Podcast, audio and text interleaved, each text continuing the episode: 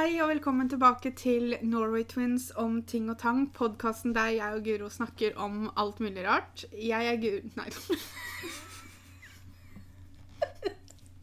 Nei. Jeg er ikke Guro. Jeg er Pia. Jeg er Guro. og vi sitter her sammen med Kaja, som eh, har eh, sagt ja til å få podkast i dag. Og så skal vi prøve å holde styr på hvem som er hvem. da. Det Ja. er første steget i eh, at alt skal gå på skinner, men Ja, ja. Det er litt identitetskrise innimellom. Det tåler vi. I dag så skal vi snakke om eh, temaet angst. Det er jo på en måte ikke noe hemmelighet, hvis man har hørt på podkastene våre. at Jeg har jo nevnt at jeg har det eh, flere ganger. Jeg har også snakka litt om det på YouTube. Jeg føler innimellom at jeg nevner det fryktelig mye, men jeg er også i en prosess der jeg har lyst til å vise folk at det er greit å snakke om, og at man må få lov til å si at dette er realiteten jeg lever med, og for å vise andre også det at det, det er ikke noe man skal skamme seg eh, for, og det er et veldig ekte problem som veldig mange sliter med. Selvfølgelig så kan man slite i forskjellige grader og sånne ting. Jeg, jeg har ikke den verste graden man kan ha, men det byr jo på sine utfordringer til meg uansett. Og Kaja sendte oss jo melding på Instagram og spurte om hun kunne få lov til å være med på en podkast der vi snakka om det. Og jeg syns det er veldig fint at jeg skal sitte og prate om det, ikke nødvendigvis alene. Eh, for det er veldig greit å, å, å høre andre uh, snakke om det også. Så jeg vet ikke om du har lyst til å introdusere deg sånn kjapt? Jo. Jeg heter jo da Kaja, ikke Guro. og kommer da fra Oslo. Så jeg har tatt toget inn til Moss i dag. Født og oppvokst i Oslo, og bor der også i dag. Med da samboer og snart to katter. For du har angst. Ja. Når er det det ble tydelig? Når fant du ut av det? Det var i slutten av videregående. Da begynte jeg med veldig mye sånn søvnproblemer og tankekjør. Det var liksom rett etter liksom russetida og, og, og revytid, som var veldig stort på enkelte videregående skoler i Oslo. Og så rett på eksamen, og så skulle jeg rett på ferie med daværende kjæreste. Og jeg liksom brøt helt sammen på den ferien. Og det vedvarte på en måte gjennom hele sommerferien. Slet mye med søvn. Det var veldig vanskelig. Så til slutt så endte det opp at jeg måtte gå til en psykolog.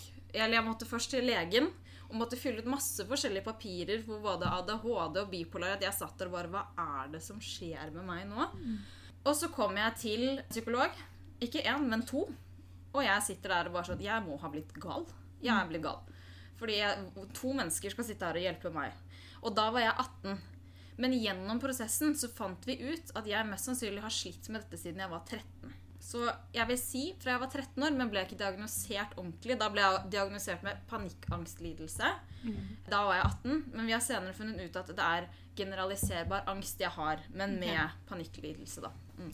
Det er jo litt i samme båt som, som jeg var, bare at jeg var jo 28, vel? Nei, det, må jo, det var jo etter ja, Jeg var vel rundt 30 når jeg fikk diagnosen. Mm. Og viser seg jo det at jeg har jo slitt med det langt ned i kanskje niårsalderen, men har ikke visst hva det er. Og det er jo en av grunnene til at jeg virkelig føler for å snakke om det Ja. er jo fordi at jeg har vokst opp på en tid der mental helse generelt ikke ble snakka om. For det skulle man ikke prate om.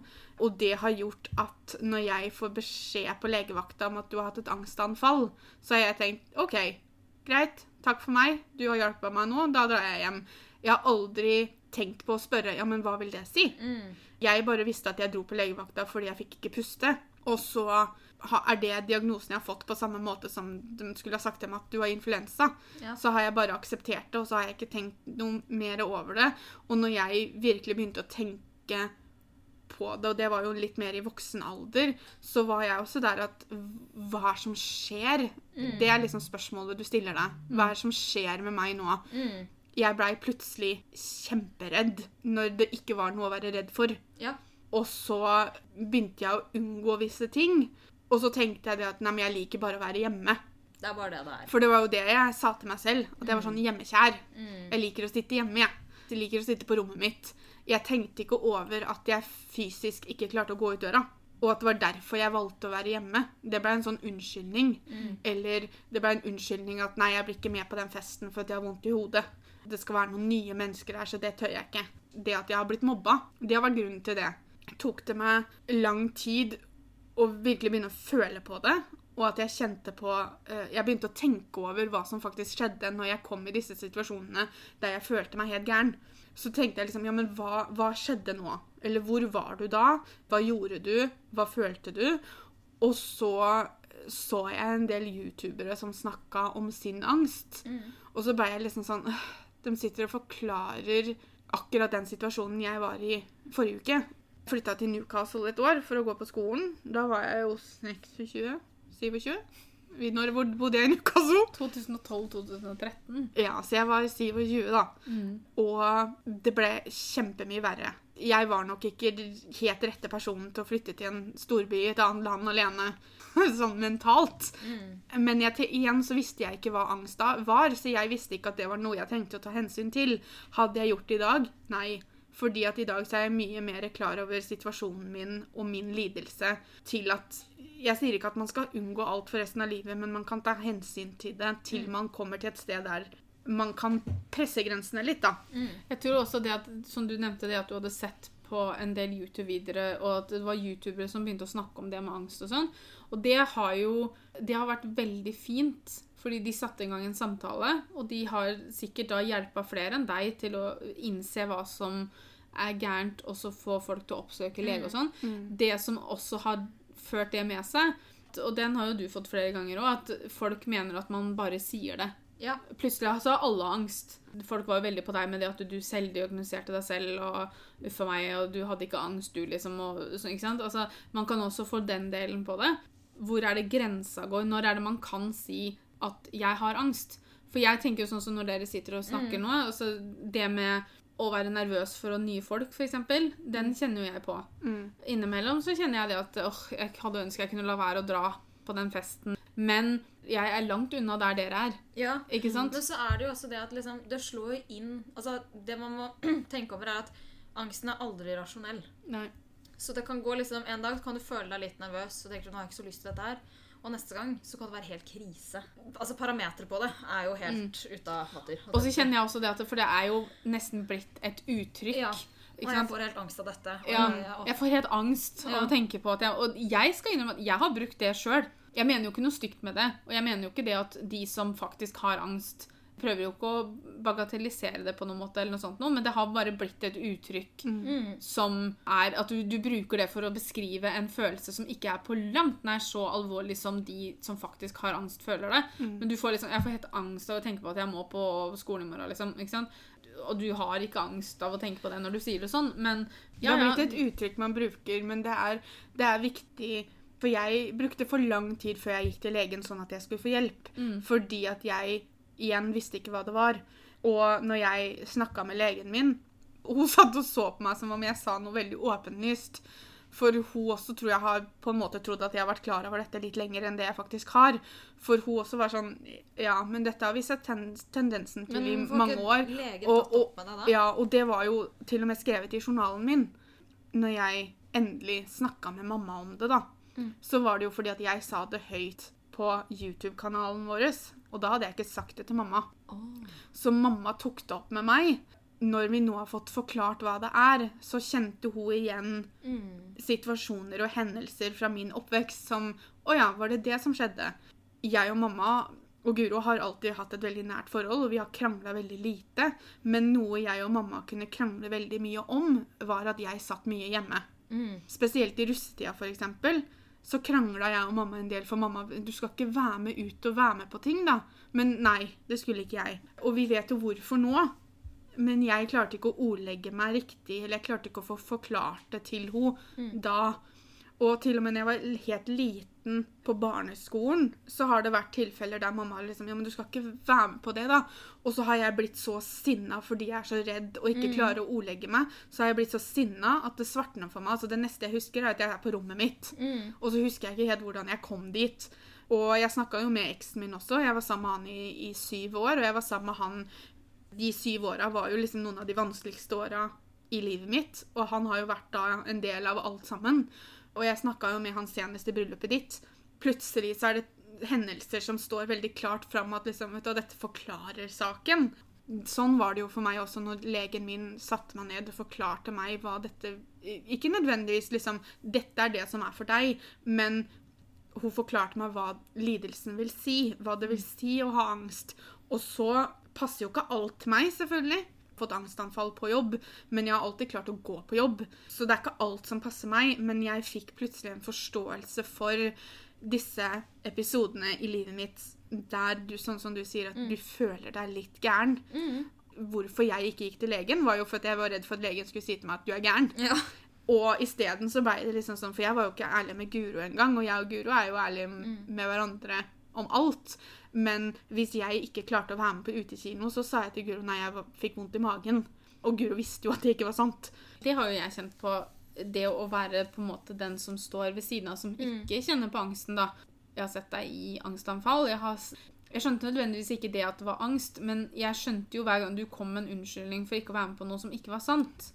Jeg vet jo det at jeg har blitt litt sånn småirritert. For sånn som eksempel når vi skulle på denne utekinoen, og du nei, jeg fikk vondt i magen, og så sier jeg OK. For det var liksom sekunder før vi skulle gå ut døra, så var det Nei, å nei, jeg kunne ikke være med, for jeg hadde vondt i magen. Og, og da kjente jeg jo at jeg ble litt sånn småirritert fordi at For det første at du ikke sa sannheten til meg, for jeg skjønte jo at du ikke sa det. Og så ble jeg sånn Ja, men altså, det her er jo kjempegøy. Hvorfor, sant? Hvorfor har du ikke lyst til å være med? Men det her igjen var jo før du faktisk satte ord på Det var den kvelden jeg sa det høyt på YouTube første Ja. Fortsatt i dag så lager jo du unnskyldninger for meg. Mm. Ja da, OK, sier jeg, ikke sant? Og så vet jeg jo egentlig hva det gjelder, og så sier du det til meg seinere, og så sier jeg ja da, det visste jeg, det går bra. Men det er jo sånn når jeg står på Nordby På Ica Maxi Nei, Maximat heter det. På Nordby-senteret og står i et angstanfall, og så går Guro forbi, og så sier hun 'går det bra'? Ja, sier jeg. Ja, ja. Instinktet ditt er å bare si 'ja, ja, det går bra'. Det er jo en ting som jeg prøver å jobbe med nå, er jo å klare å si fra der og da. Men så er det også den der du har ikke lyst til å være en byrde til folk, og så har du ikke lyst til at Guro skal Jeg har ikke lyst til at du skal si ja, men da blir jeg hjemme sammen med deg. For på en måte så er det det siste jeg trenger da, er egentlig selskap. For meg så er det innimellom som det hjelper å ha noen der. Andre ganger så er det best at jeg får lov til å være litt alene, bare for at jeg kan roe meg ned. Og sånn som når jeg fikk angstanfall i bilen Jeg satt i bilen sammen med Guro og Maria og Mari. Min angst har veldig ofte sammenheng med stress. Bekymringer og stress. Da blir det verre. Eh, og så fikk jeg en melding eh, fra jobben som ikke var de beste nyhetene. Jeg blir sånn kriblete. Jeg vet ikke om du blir sånn, men jeg blir sånn, jeg har på følelsen at det går tusen maur på kroppen min, så jeg klarer ikke helt å sitte stille. Jeg skulle justere hvordan jeg satt, og så låste sikkerhetsbeltet seg. Og da følte jeg meg jo fanga i tillegg, så det blei jo bare til at jeg satt og reiv i sikkerhetsbeltet, og Maria som bare Maria trodde jo jeg tulla helt til hun snudde seg og så det blikket jeg hadde, liksom. Da hjalp det at jeg hadde folk rundt meg, for Ja. da kunne de minne meg på at du sitter, ikke, du sitter fast, men du sitter ikke fast. Vi hjelper deg. Eh, og Mari satt og strøk meg på, på beinet, og Maria snudde seg jo rundt i setet, og Guro kjørte inn til sida, og det var liksom Det blei jo veldig mye styr et lite øyeblikk der, men da var det det jeg trengte. For hadde, altså, Det hadde vært rart om jeg hadde sittet fast i bilen aleine, men, men hvis jeg hadde vært aleine da, så hadde ingen kunnet fortelle meg at Pia, slapp av, du sitter ikke fast. Og Mari knepte meg vel løs òg, tror jeg, bare sånn at jeg skulle si at sånn løser vi det. Fordi at jeg går inn i en sånn tankegreie, og så klarer jeg ikke Jeg mister evnen til å ta meg selv ut av situasjonen. Det samme skjedde jo når vi var og gjorde stand til bryllupet til Guro og Petter. Så hadde jeg klart å dekke på til to for mye på det ene bordet. Da ble det meldt Eh, og, og så var jeg allerede litt stressa, for det var så mange som hadde spørsmål og sånn. Og til slutt så sto jeg da i en sånn tilstand at jeg klarte ikke å finne ut hvordan jeg skulle rette opp i at jeg hadde dekt på til to for mye. Så jeg sto der, og så blei jeg helt vill i blikket, og så sto, heldigvis så var Maria og Erlend der. Og, og det var vel første gangen Erlend har sett meg i en sånn situasjon. Maria har vært med på det tidligere, men, men da sto jeg bare sånn OK, nå har jeg ødelagt bryllupet til Guro Petter, for nå har jeg dekt på til to for mye. Hva gjør vi nå, da? Og, og Erlend bare Vi tar bort to. Så han tok bare bort to glass. Og Men liksom det er ofte det som er det som skal til, for da blir Ja, Å ja. ja For for det bare da går i stå. ja, for jeg bare Jeg klarte ikke å skjønne det at OK, vi har to for mye. Hvis vi tar bort to da Men det er der samboeren min også hjelper meg mye. Mm. Kom, nå går vi. eh, Ja, OK. Og da, det er liksom akkurat som man havner i en sånn loop, at man ikke klarer å komme seg ut av det. selv om man, Og det verste, egentlig, nå som jeg har hatt såpass mye trening med psykologer og vært igjennom mye, så observerer jeg også selv at det skjer, og da blir jeg også enda mer frustrert hvis jeg ikke klarer å bryte det. Ikke klarer å plassere tankene andre steder. Og da blir det også en sånn dobbel opp sånn ting. Og da, det eneste som hjelper da for meg ofte, er en person som bare nå går vi hit. Bare, vi skal ut og ta litt luft. Eller vi skal bare gå inn på dette rommet. Eller sett deg ned her. Eller vil du ha et glass vann? Bare, bare flytter oppmerksomheten min. Det kan være nok til at jeg bare bryter ut av den der vonde loopen. Og så bare å, herregud. Og så kan det jo komme masse greier etterpå. Men jeg er kommet ut av den der vonde greia som kan spinne og spinne og spinne. og spinne, spinne. Maria gjorde det for meg når vi sto der med bordet. For når Erlend begynte å ta bort, så tok Maria bare meg bort i andre enden av rommet og så sa hun, nå sitter vi her lite grann. For nå, nå, må du, nå må du puste, og så må du roe ned alt sammen. Og jeg måtte lære meg å ta imot hjelp. Fordi jeg ikke skjønte hva som foregikk, så var jeg sånn Dette må jeg ordne på sjøl. Eller jeg må skjerpe meg, var vel egentlig det jeg, jeg sa til meg. sammen. Ja, det var det jeg sa til meg selv. Og det var legen min som forklarte meg at det er lov til å la noen hjelpe deg. Og så er det litt grann det å være omringa av forståelse pga. det er sykdommer du ikke ser, og pga. det er sykdommer som foregår i hodet ditt, så er det ikke alle som skjønner det. Nei. For de kan ikke se at noe er gærent. Jeg har hatt angstanfall her hjemme når jeg har vært alene hjemme. Mm, Jeg har måttet bli hjemme fra å reise til tanta mi, for jeg har ikke klart å reise dit, som jeg bare skulle være sammen med familie og folk jeg kjenner. Jeg er avhengig av at selv om de ikke helt klarer å skjønne hvordan jeg har det, så må de ha forståelse for at det er sånn jeg har det, og da må jeg nesten gjøre det som er best for meg. Men så tenker jo jeg også litt på hvordan det er for de rundt, og spesielt kanskje for Guro, fordi at Guro har det med å være der mest fordi vi er såpass mye sammen. Jeg er heldig fordi jeg har venner som Nå har Maria vært med et par ganger som ting har gått litt i stå.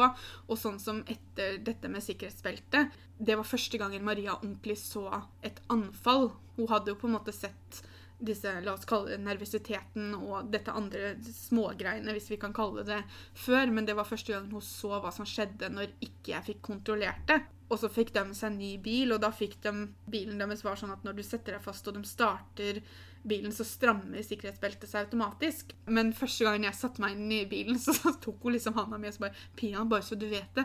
Bilen strammer sikkerhetsbeltet litt grann sånn i begynnelsen, og så slipper det med en gang. Så jeg satt der bare Tror Maria at jeg er redd for sikkerhetsbelter? Men det var jo bare måten hennes å vise hensyn på, ikke sant? Ja, ja. Men det var jo ikke det du var redd for i utgangspunktet. Nei. Det var bare ble den sperra. Altså det ble en sånn ting av Ja, og jeg, jeg liker å forklare det med For meg så går det veldig mye på følelser, så det, det blir en sånn eksplosjon av følelser. Så jeg føler alt på en gang, og så f- klarer jeg ikke å sortere det. Og så klarer jeg ikke å kontrollere noen av aspektene med det. Og da mister jeg meg sjøl. Følelsesbølge som kommer over meg, og så sier det egentlig bare poff, og så mister jeg tid og sted. Jeg tror kanskje det er også noe av grunnen til at angst kan være vanskelig for andre å forstå. er jo det at det er så ulikt fra person til person. Det angst er for deg, eller det angst er for deg, bør ikke være angst for noen andre. Og derfor, når ikke det er noe fasitsvar, så blir folk sånn «Å, nei, men da kan det umulig være en ekte ting. Så da blir man bare sånn Du er litt sånn nervøs og sånn. Og, og det er det som er så synd. Man må ha en forståelse av at selv om man ikke har vært borti det selv, eller selv om man ikke kjenner noen som har det, eller har kjent på det sjøl, så betyr ikke det at det ikke er en ting. Du har sånn som influensa, da, som, som er Ja, det er feber, og så har du vondt i kroppen, og så har du forkjøla, og så Og det, sånn er det for stort sett alle. Mens med angst så er det sånn som du sier, da, at noe som trigger deg, og hvordan det er for deg, bør ikke være det samme for deg. og det bør ikke, Du kan, bør ikke ha noe problem med å gjøre noe av det Pia ikke klarer, ikke sant? Og, og omvendt. Det er også basert på erfaringer i livet òg. Mm. Du har jo hatt en annen oppvekst enn meg. Vært rundt andre mennesker enn meg. Det er mye sånne ting også som kan prege.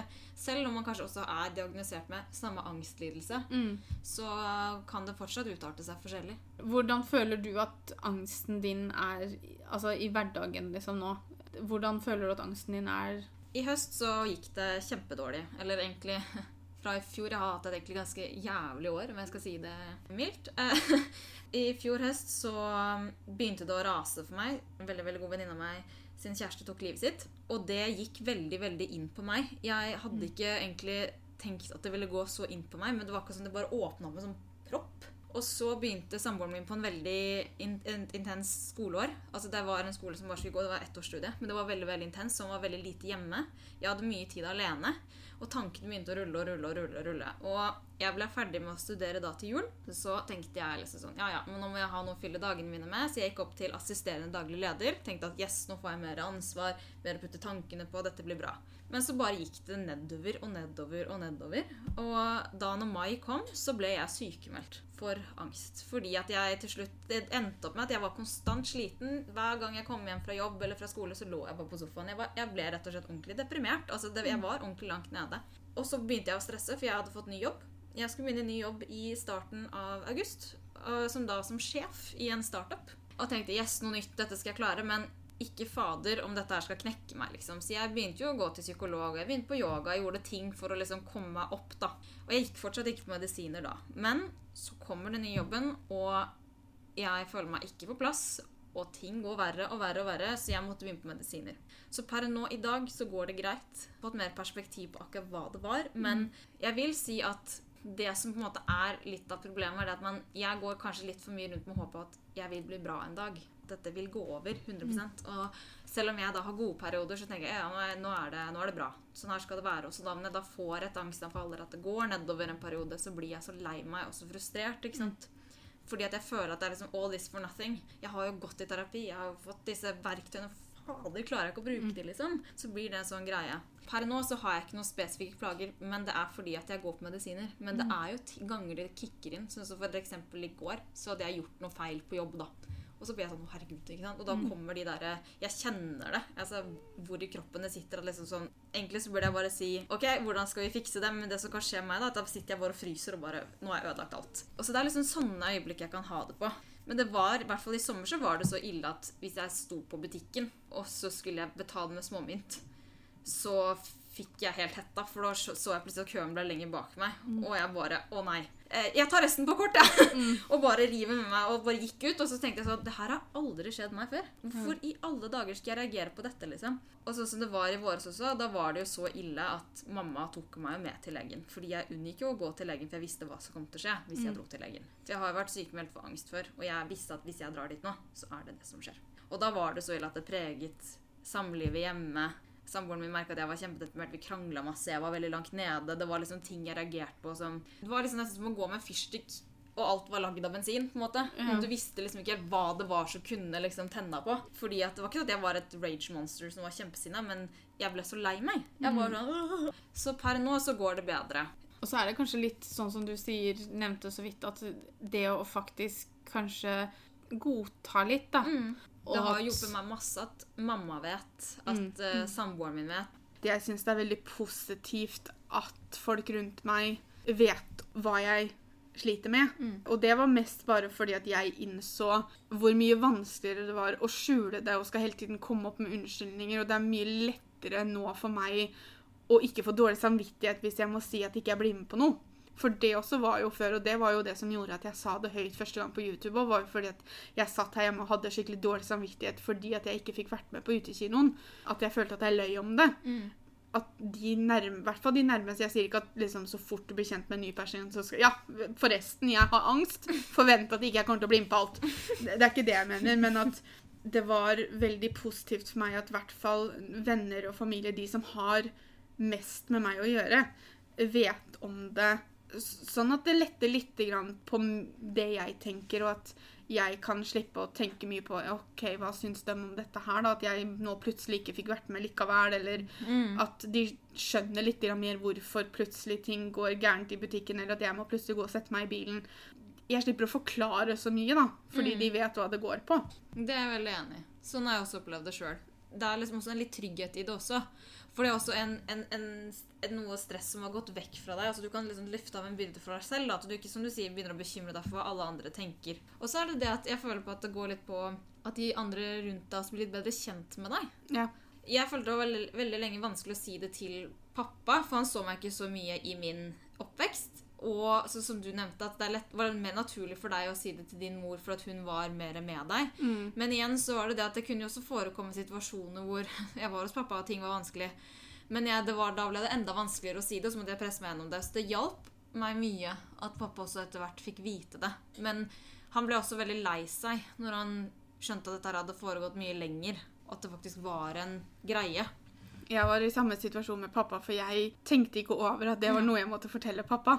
Og pappa så meg mindre enn mamma, for da bodde han i Oslo.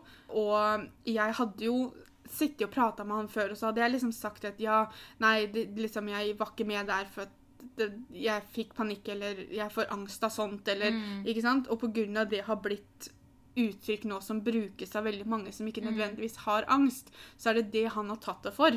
Så han har ikke skjønt at jeg har snakka For jeg har bare Jeg har ikke forklart noe mer, for jeg har tenkt at nei, men det vet jo han om. Og så visste han ikke om det. Og så la jeg ut video på YouTube, og vi la ut blogginnlegg der jeg skrev om angsten. Og det var sånn pappa fant ut, fordi han leste det. Det var ikke riktig av meg, for det var ikke sånn pappa fortjente å få vite det. Pappa fortjente at jeg skulle si det til ham, så jeg fikk forklart ordentlig. Så ikke det her var plutselig bare noe som han leste om på en blogg, på en måte. Han, han, han er tross alt pappaen min, så han fortjener informasjonen fra meg. Men nå har vi jo fått tatt en samtale om det, og jeg har jo måttet kutte ut og være med til tanta mi fordi det ikke gikk pga. angsten. Og det var jo før jeg eh, hadde fortalt pappa om det. Og han, når han da fant ut, så spurte han meg jo har det vært situasjoner når jeg har vært involvert, som, som det her har skjedd. Og da var det jo liksom Ja, det har vært et par ganger som jeg ikke har klart å være med til tante Bente. Instinktet mitt er jo å komme opp med en unnskyldning, eller instinktet er jo å si at det går bra når noen spør åssen det går, selv om jeg står midt oppi det verste, på en måte. Men det her er jo også litt det som vi som står utafor, som har et forhold til dere, må også tenke litt på. Du er jo fortsatt sånn med meg, at ikke du forteller meg helt eh, når det skjer. Ikke sant? Du kommer etterpå. Så jeg skjønner jo når det skjer, men du er jo ikke sånn Unnskyld, men nå har jeg det litt vanskelig, nå kan jeg ikke være med noe sted. Men det er sånn Nei, jeg har, jeg har vondt i hodet og sånn i dag. Selvfølgelig så hadde jeg ønska at du sa det når det foregikk, men samtidig så står ikke jeg her og forventer at du skal det, for jeg skjønner at det er vanskelig nok fra før, og at du heller må komme til meg etterpå. For eksempel da, når du har et angstanfall, hva er det jeg kan gjøre? Jeg spør jo om det går bra, for jeg ser jo på deg når du eh, sliter med det, men sier du at det går bra, så trekker jeg meg litt unna igjen. Kan jeg gi deg en klem? Skal jeg sette meg ned sammen med deg? Skal jeg holde deg i handa? Skal jeg presse til du sier at det ikke går bra? Eller skal, liksom, hva, hva er det jeg kan gjøre? Også det å hjelpe deg å roe deg ned. Ikke bare det å få deg til å innrømme at det skjer noe, men det å faktisk hjelpe deg å roe deg ned. Personlig syns jeg det er vanskelig å skal gi svaret på det på forhånd, fordi enhver situasjon er forskjellig. Ikke gi meg en klem. Nei. Det vet jeg. Fordi da kommer jeg til å komme i en sånn situasjon som sikkerhetsbeltet, at da føler jeg meg fanga. Og det er jo ikke det du prøver på. Men når jeg er i den tilstanden, da, så nytter det ikke å skulle holde meg fast eller trøste på den måten. Sånn som når vi er i butikken, f.eks., så kan det hende at det bare er like greit å la meg stå der og se om jeg kommer meg gjennom det. Hvis, kommer, hvis ting blir verre, så går det an å minne meg på at vi kan gå ut. Ja, for når jeg spør deg om det går bra, og du sier ja, og jeg ser at det gjør jo egentlig ikke det, så følger jeg jo med på deg hele tiden. Mm. Og forverrer det seg da, så hadde jeg jo gått bort til deg og sagt at nå lar vi den stå her, og Ja, så for vi Ja, bør vi. ikke komme til det punktet der jeg står midt i butikken og hyler. Altså, Nei, nei. Men man føler kanskje at man gjør det, på en måte. Ja. Det er vanskelig å si det på forhånd, fordi at jeg vet ikke hva jeg kommer til å trenge akkurat i den situasjonen. Fordi at det er ikke alltid man må fjerne seg, fordi at hvis man bare får det ekstra øyeblikket på seg, så kan jeg komme meg tilbake igjen, holdt jeg på å si. Da. At det går en sånn sirkel at nå bare er jeg på det verste, og så går vi rundt igjen, og så Å ja, nå har jeg klart det sjøl. For innimellom så kan jeg roe meg selv, men det er også situasjoner der det ikke går å roe meg selv, og da kommer jeg til å være avhengig av at noen er der for meg. Jeg har vært i situasjoner der det har hjelpa f.eks. når jeg var, øh, fikk det på jobb, så var jeg heldigvis alene. Det var ikke noen kunder i butikken, men jeg hadde jo heller ikke noen kollegaer rundt meg. Da endte jeg opp med å ringe mamma, og så måtte mamma bare snakke meg gjennom det. Og mamma måtte ikke da snakke til meg som at OK, nå har Pia et angstanfall, nå må jeg roe Pia. Mamma måtte bare snakke om noe annet. Jeg måtte høre stemmen til mamma, og det var stemmen til mamma som fikk meg tilbake igjen. Mm. Og da satt ikke mamma og sa du må puste, du må puste, du må puste. Hun bare snakka om noe helt annet. Hun bare fortalte meg om dagen sin, eller hva det var hun sa for noe. Og så var det det som gjorde at jeg fikk tilbake den normale rytmen på pusten, og jeg fikk fjerna det som foregikk i hodet mitt, holdt jeg på å si. Jeg klarte ikke å roe meg ned fordi jeg var på jobb, og fordi jeg var alene. Så jeg visste at hvis det kommer en kunde inn i butikken nå, så er det mitt ansvar å ta seg av den kunden. Og hvis jeg står her og hyperventilerer og gråter, så kan ikke jeg hjelpe noen. Og det stressa meg enda mer. Og derfor så klarte jeg ikke å komme meg tilbake selv. Fordi at jeg sto bare sånn Og tenk om det plinger nå? Tenk om det plinger i døra nå? Tenk om det plinger i døra nå? Og derfor så ble jeg bare mer og mer stressa. Du nevnte jo det at, med at eh, kjæresten din innimellom bare sier nå går vi ut og tar litt luft og sånn. Men er det andre ting som du vet at de som er rundt deg, ikke bør gjøre, eller bør gjøre? Det verste er vel egentlig at noen kommer 'Å, stakkars deg'. Prøver å trøste deg på den måten.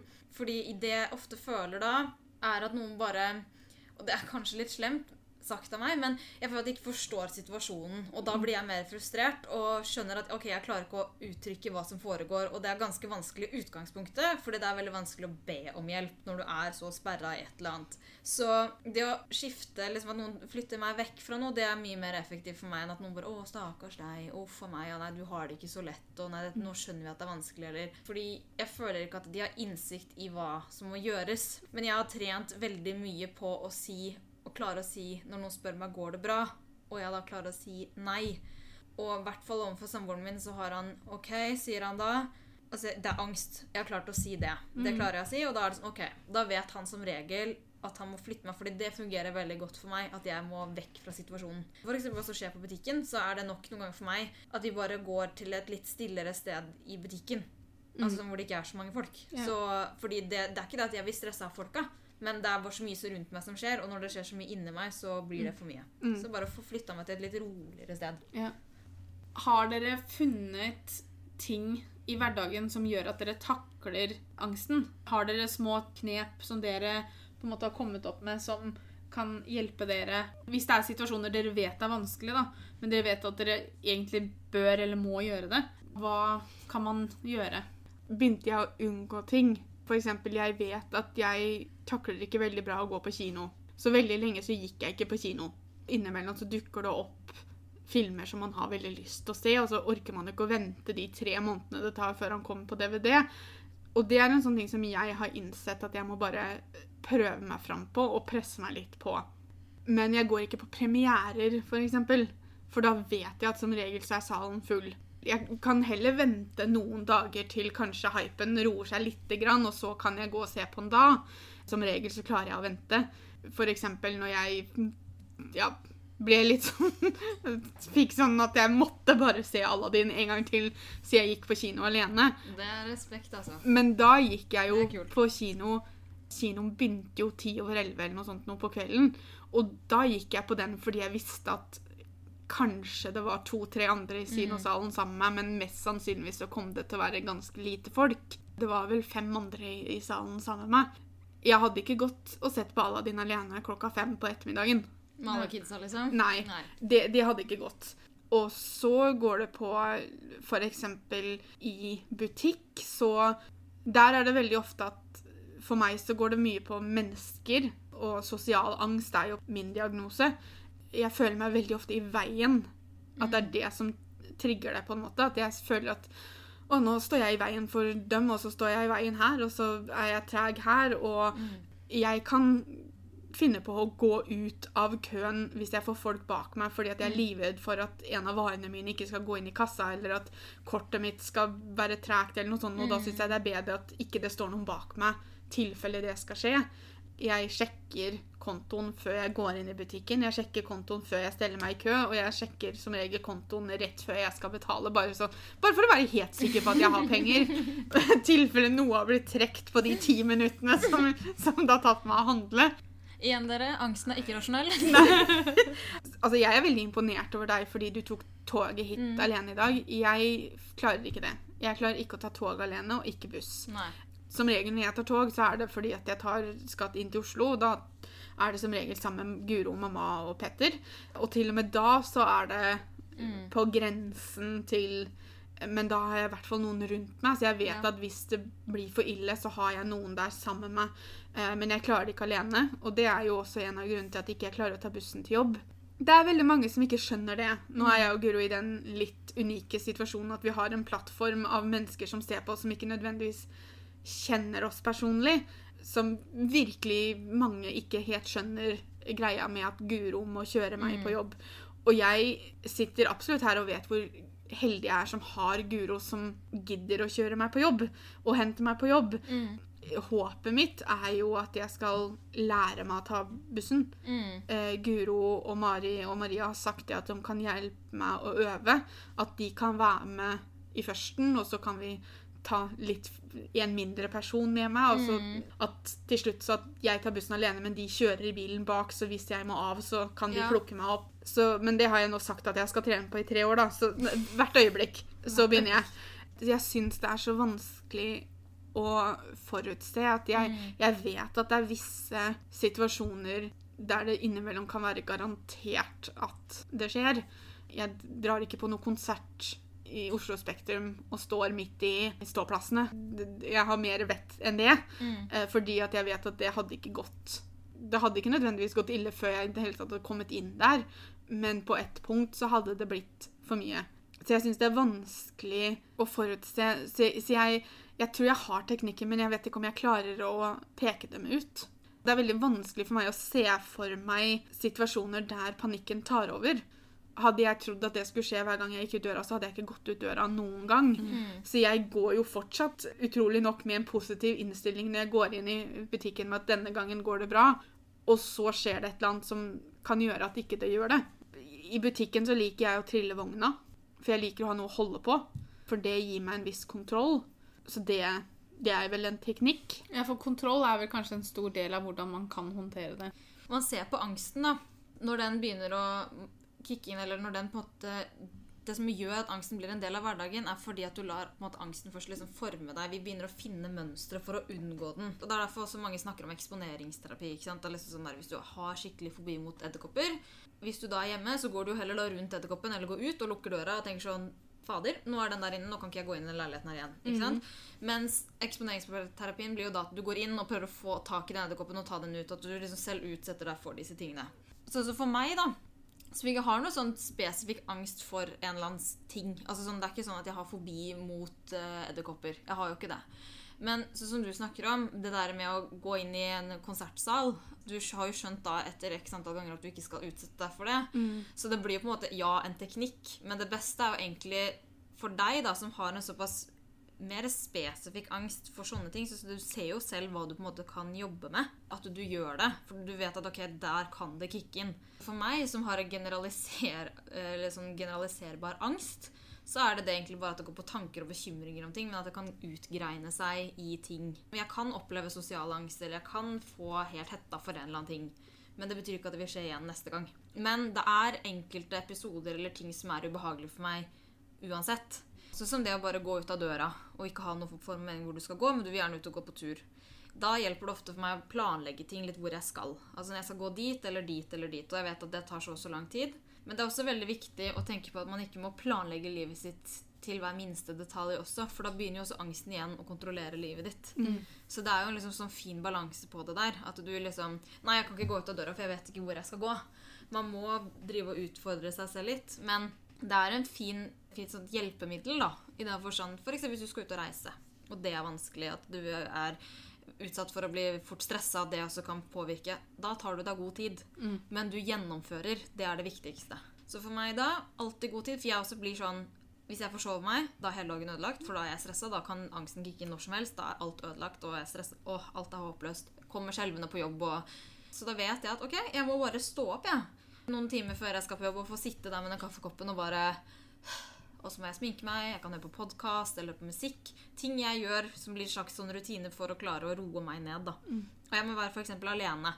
Hvis det kommer folk inn på badet, hvis jeg holder på med et eller annet, og bla, bla, bla, bla, bla så blir jeg, så blir jeg stressa før jeg skal ut av døra, og da er det ødelagt. Men det er sånne ting du lærer deg. Og det er veldig vanskelig å si det til noen som sitter med angst. bare, jeg vet ikke hva jeg skal gjøre. Mitt tips er bare å bli kjent med deg selv.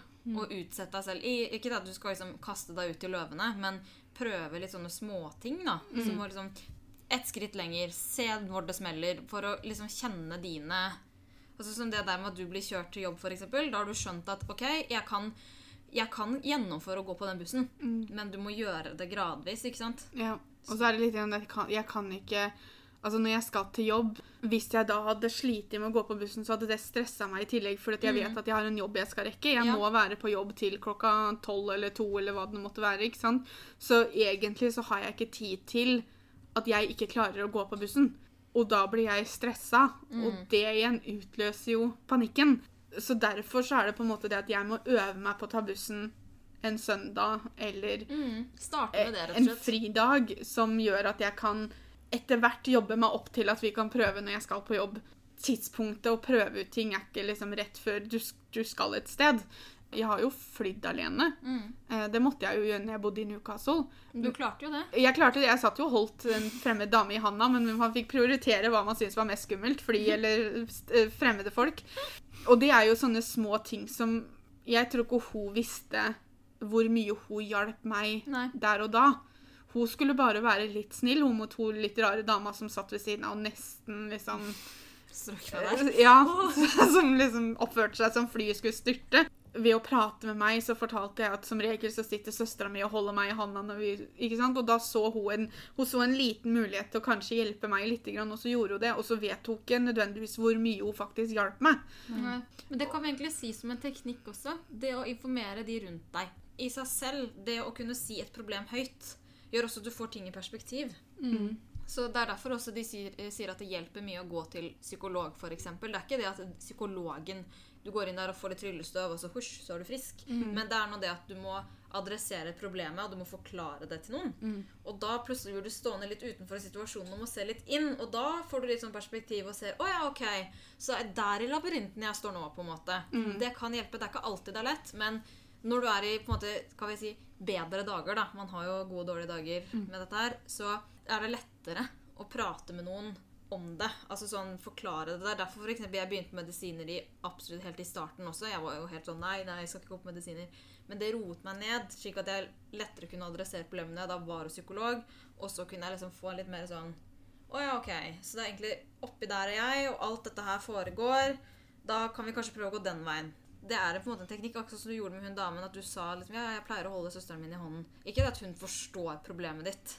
Det hadde hun jo ikke gjort på den det lille du sa. Men at du på en måte forteller det til noen. Det gjør at du også på en måte får et litt perspektiv, da, tenker jeg. Når folk spør meg om angsten, og det å forklare angst er ikke lett. Mm. Det jeg har begynt å gjøre, er at jeg forteller om de gangene jeg har fått panikkanfall eller angstanfall. Jeg forklarer de situasjonene. Jeg forteller om den gangen jeg fikk panikkanfallet i bilen. Jeg forteller om den gangen jeg fikk panikkanfall hjemme. Fordi at det er lettere for meg å forklare de, for det er spesifikke hendelser, enn å skal prøve å forklare følelser som tar helt over. Hvordan føler dere at angsten har prega dere? da? Er det noe dere føler at dere har gått glipp av? Hva tenker dere om det? Det er mye jeg har gått glipp av. Altså, som jeg ser tilbake på ting. Sånn, I hvert fall på, i løpet av ungdomsåra. da. Altså sånn, Spesielt videregående. Det der med revy og sånne ting, det var jo ting jeg liksom slet litt med å være med i starten pga. at angsten jeg fikk da sånn som min, Den angsten utfolda seg da, da, det sosiale aspektet var det, var at jeg syntes det var veldig vanskelig å være med folk jeg på en måte hadde sett en del ganger, men ikke prata med. på en måte, Eller vi hadde liksom prata noen få ord, men jeg visste ikke hvordan jeg skulle forholde meg til dem. Det var nok til at jeg ikke ville være der. For da jeg ble så usikker på min, min på en måte, rolle i det sosiale eh, samspillet der, at da trakk jeg meg ut. Og det gjorde veldig mye for at jeg ikke var med på revy, f.eks. Det er et veldig sånn håndfast eksempel. Men det har også vært liksom fester jeg har dratt hjem fra, eller ting jeg har unngått å være med på fordi at jeg føler at jeg, nei, jeg er sliten, jeg orker ikke. Sånn som hele fjoråret mitt, hvor jeg bare lå hjemme, liksom. Og så var det liksom bursdager og ting jeg hadde vennene mine invitert meg på som jeg sa nei til. For at jeg orka rett og slett ikke. For jeg var så sliten av dette kjøret jeg gikk og bar på hele tida. Liksom, jeg så bare frem til den sofaen da, på kveldstid, så jeg bare kunne ligge der. Og så der og da så tenkte jeg at dette er akkurat det jeg vil gjøre. Lala. Men så når dette går over tid, så ser du liksom tilbake at ja, hele høsten så lå jeg bare, var jeg på jobb eller var på sofaen. liksom. Jeg følte at jeg ikke levde. da, Det var veldig mye som det gikk utover. Så det har preget en del sånne ting. Det er mye sosialt for meg også, for av det er det jeg har det med å slite med. Et eksempel er videregående.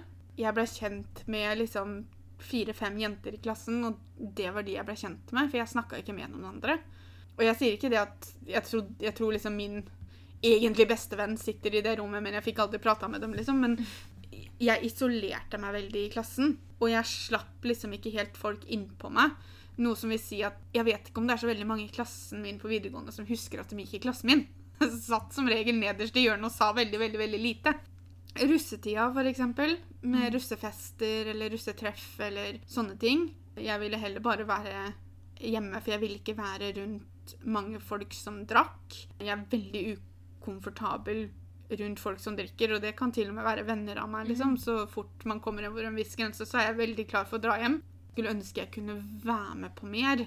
Og det er innimellom så man føler at livet blir satt litt på pause fordi at du klarer ikke å gå ut døra, eller du får ikke vært med på utekinoen, eller alle andre vennene dine skal og se på den kinoen, men det klarer ikke du, så du føler på en måte det at du fjerner deg fra vennegjengen din litt. Hvorfor kan du ikke bare være med på den? For jeg måtte lære meg at det her var ikke noe jeg valgte. Mm. At det at jeg har valgt det bort, var en unnskyldning, noe jeg har trodd. Men det er ikke det jeg gjør. Jeg tar ikke et bevisst valg på at jeg har ikke lyst til å være med på kino. Nei. Eller jeg tar ikke et bevisst valg på at jeg har ikke lyst Jeg kan ikke være med på den festen. Det er bare noe som faktisk fysisk ikke går. Jeg Mm. får ikke til. Jeg klarer ikke. Jeg takler det ikke. Og når jeg lærte meg det, så ble det litt lettere å håndtere at jeg gikk glipp av noe, fordi at det var ikke noe jeg kunne kontrollere. Nei, du fikk jo litt mer aksept, da. Mm. Det går på det at man faktisk Og det var det legen min som hjalp meg med å gjøre. Hun hjalp meg med å innse at det her er ikke noe jeg velger, det er ikke noe jeg har valgt selv. Det er så utenfor min kontroll som det kan bli. Selvfølgelig, jeg kan prøve meg fram, jeg kan tilrettelegge, jeg kan gjøre ting for å lære meg Jeg kan prøve meg fram, og jeg kan Mm. trene meg opp til ting. Det, det må jeg jo bare fortsette å gjøre, og det er et valg jeg gjør.